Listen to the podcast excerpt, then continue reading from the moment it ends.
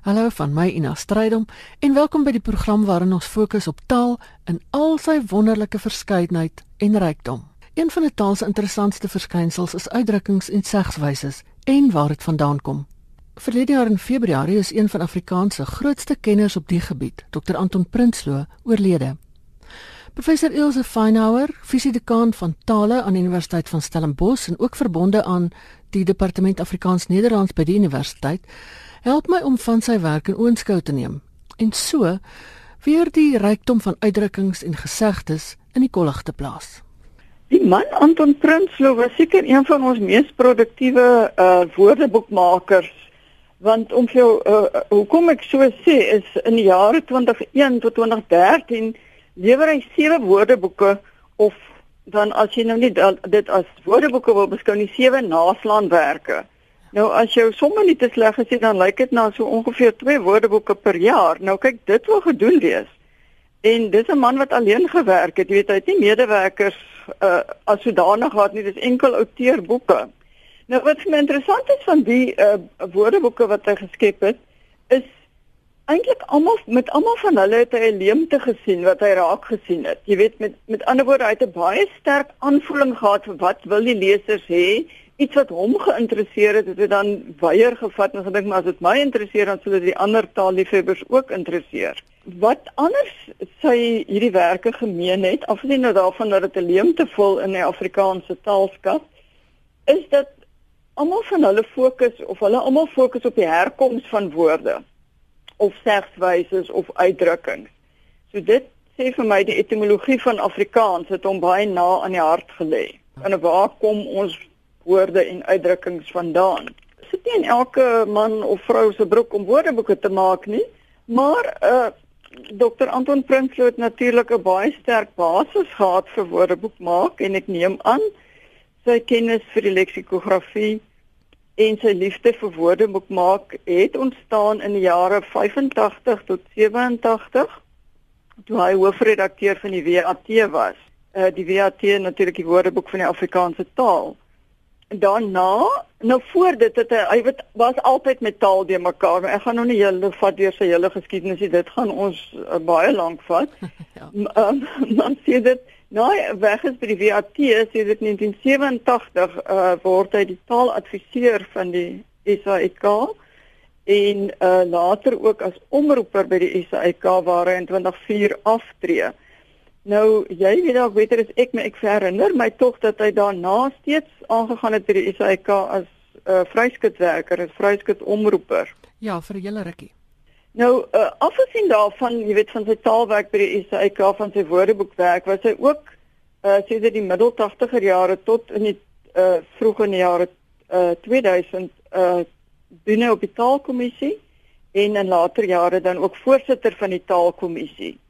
Nou ek wil kyk na ek het nou vir jou gesê hy het sewe boeke gepubliseer in die tyd 2001 tot 2013 en ek wil graag aan ses van daai boeke aandag gee. Nou vertel ons bietjie meer van die woordeboeke of naslaanwerke dan. OK, kom ek sê vir jou wat loop deur die boeke, wat wat merk jy op? Ehm um, is dat die skrywer se ondeentheid en humor kom baie sterk na vore. So dit is nie 'n woordeboek soos ons dit ken wat die inligting sedig en klinies aangebied word nie. Alles word met 'n sterk skeut humor uh geskryf. En jy weet mense kon sê die woordeboeke het almal 'n speelse aard en dit maak dat hulle uh slegs vir suiwer vermaak ook gelees kan word. Ehm um, so jy kan dit eintlik as 'n storieboek lees want elke inskrywing het 'n soort van 'n verhaaltjie daar agter. So ek dink daarmee het Prinsloo 'n geweldige bydrae gelewer want hy het gesorg dat die leser se kennis oor Afrikaans en ander tale uh opdoen sonder dat jy nou verveeld raak of sonder dat jy eintlik agterkom jy's besig om te leer of nog erger jy's besig om 'n woordeboek te lees. Kan jy dink hoe erg klink dit as jy vir iemand sê ek is besig om 'n woordeboek te lees? ja. Ehm um, ek gaan uh, die boeke dan nou een vir een bespreek. Kort inleiding vir jou gee, wat is dit? Wat gaan die mens daar aantref? En dan 'n paar van die voorbeelde wat my opgeval het uh hanteer. Dit klink vir my baie interessant. Na watter boek gaan ons eers kyk? Eerste boek se naam is lekker allitererend: Feite, Flaters, Fiksie. En uh al sy boeke het so 'n subtitel gehad en hierdie een se subtitel is 'n opgaaf van die ware, die onware en die onwaarskynlike. Nou, wat tref mense hier aan? Uh Dr. Anton Prinsloo sê dis 'n bundel taaleienaardighede wat hy oor 25 jaar versamel het. En uh natuurlik hy was 'n uh, ywerige versamelaar van enigiets wat met taal te doen het. Um en dan veral ook wat taalflaters of taalvergissings betref. Nou die eerste een wat ek die eerste voorbeeld wat ek hier wil bespreek is uh die gewoonte om iets te sê as iemand nies. Ja, ons sal sê gesondheid. Uh die Engelse sal sê bless you. Dit lyk of die Engelse banger is vir 'n nies soos ons. En dan het hy 'n hele bespreking waar kom dit vandaan? Ehm um, hy sê die Engelse is uh banger vir ons as 'n nuus want hulle vra die seën op jou af met bless you terwyl ons doodgewoon gesondheid sê. Nou ehm um, hy sê volgens oorlewering het Sint Gregorius in die 4de eeu na Christus die eerste keer die woorde God bless you gebruik toe iemand genies het. Nou dit kom van uh in die tyd toe die pes in die land was en nie een van die simptome van die siekte was. Maar dit kom eintlik al voor dit want Aristoteles vermeld al so gewoonte in Griekeland in die 4de eeu voor Christus. Ja. Die nies was die nies was ook die teken van die pes in Athene in die 5de eeu voor Christus. So jy weet om te sê gesondheid of God bless you is ook hoop tog nie jy het hierdie nare siekte onderlede nie. Maar nog iets wat daarmee verband hou is die antieke mensdom het nie veel verskil gemaak tussen die asem en die siel nie. Ja. En jy, jy, ons kry dit ook in die laaste asemuitblaas as iemand uh, sou sterf. So as iemand doodgaan en sy laaste asem uitblaas, glo die die uh, antieke Grieke dat die siel die liggaam verlaat. So as gevolg hiervan word mense ook gesondheid toegewens as hulle nies want daar's 'n glo dat die ewige uitblaas van lig tydens 'n nuus dan die siel daarmee kon saamneem en dan is dit nou die einde van die nuuser en die nuus. O genade. so, daar's 'n hele verhaaltjie dan nou daar agter ehm um, hoe kom jy iemand iets sou toewens as hy of sy nuus. Nou net baie kortliks ook wat die gaap betref. Uh dit is nou nie uit beleefdheid in die ou dae gewees dat mense die hand voor die uh, mond hou as jy so gaap nie. Dit was eintlik om te sorg dat die siel binne gehou word en die bose geeste buite. So dit was die eerste feit later of uh wat is die titel nou ek het vergeet fiksie. of fiksie fiksie feit later of fiksie en die leser uh, luisteraars kan dan nou self besluit wat die een van daai drie dit is. Die tweede voorbeeld is die woord Hans Wors. Waar kom dit vandaan in Afrikaans? Uh dit kom uit die Duits waar hy Hans Wurst genoem is. Hans eie naam Wurst van. Ja. En dit was dan 'n spotnaam vir 'n onbeholpe persoon. Nou en aardig genoeg, dis nie die enigste taal uh, waar 'n mens die van as 'n kosnaam kry of 'n kosooreenstemming nie, want dit in Frans sta, staan die persoon as Jean Potage bekend en Potage is 'n dik sop. Mm en die Engelse verwysnaam as Jack Pudding.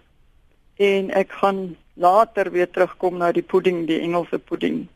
So ons Hans Wurst direk dan afkomstig van Hans Wurst. Reg, 'n 'n sending, 'n uitdrukking hare op die tande hê. So, iemand wat hare op sy of haar tande, dit baie deursettingsvermoë in durf. En dis nogal tamelik duister waar kom hierdie gesegde vandaan. Nou een raaiskoot met ander woorde 'n uh, fiksiefeit dalk is dat die Switsers die eerste bekende huursoldate was en dat hulle by enige leer sou aansluit as die besoldiging reg was. Nou vandag sien ons die uh, Switsers natuurlik as 'n heel neutrale nasie en uh, maak uh, koekoek oorlosies en so en lewer goeie tennisspelers op, maar in daardie dae was hulle kranige krygers wat van wie hulle dapperheid en onverskrokkenheid gevrees is. Nou, hoe bring ons nou die hare op die tande by die Switsers uit? Om hierdie beeld van verskrikking te bevorder het hulle woeste snorre gekweek wat hulle lippe grootendeels verberg het. En so as hulle dan nou so glimlag dan hang die snor dan nou direk oor die tande en daar kom die uitdrukking dan nou volgens Prinsloo vandaan. So iemand wat hare op sy tande het, tyd nie vir 'n duiwel nie. So daai jare lyk like my dit was dit nou nie net in November wat hulle die snorre gedra het nie. nou die volgende uitdrukking is die koeles deur die kerk. Dis darem een wat ons redelik dikwels hoor. Vertel bietjie waar dit vandaan kom? Goed. As die koel deur die kerk is, is dan natuurlik niks meer aan 'n saak te doen nie. Hmm. Niks kan meer beredder word nie. En dit word natuurlik altyd gesê wanneer daar iets sleg gebeur het. Jy sal nie sê die koel is deur die kerk ek het uh koers het sopas die lotery gewen nie. Nou waar kom dit vandaan? Die koel is deur die kerk. Um vroeër uh, volgens Prinsloo in vroeër uh, jare vroeër eeue kon vlugtelinge, misdadigers en skuldenaars hulle toevlug neem tot sekere plekke wat as veilige hawens verklaar is.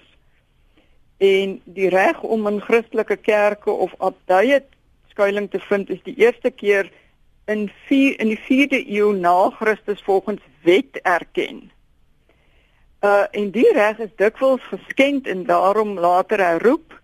Maar ehm um, dit het eintlik soort van gewoonte gebly en nou hier by ons ook ehm um, en met vlugtelinge en so jy sal dikwels hoor hulle het by 'n kerk skuilings gaan soek en dan ook skuilings gevind daar.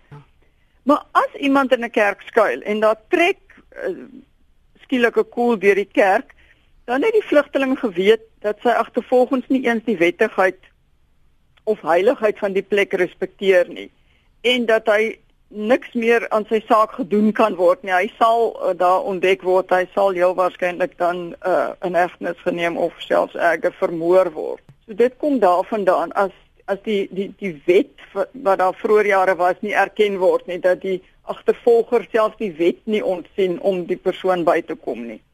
So die koel is deur die kerk en dis staat ons dan nou nog ook die by sê daarby nê deur die kom se storie ook. Ja en en ek dink dit was uh, Gerard Verwee wat die rugby uitgesaai het wat ook bygelas het en die preekstoel kon dit nie eers keer nie. ja, sê. nou uh die laaste voorbeeld hier wat ek uh vir julle wil voorhou is om te sê iemand is so dronk soos 'n lord. Nou party mense sê net die lords kon die oormatige gebruik van drank bekostig, maar eintlik in Engeland in die eerste helfte van die 18de eeu kon enige iemand redeloos dronk word. Hmm. Ehm um, 'n mens kon dronk word vir 'n penny en stormdronk vir 2 pennies en daar haal ek nou vir Prinsloo direk aan. So die uitdrukking so dronk soos 'n lord was al in gebruik in Engeland in die middel van die 17de eeu, maar so dronk soos 'n bedelaar ook, want drank was geweldig goedkoop. So eintlik ons het net be, uh, net behou so dronk soos 'n lord in Afrikaans. Ja.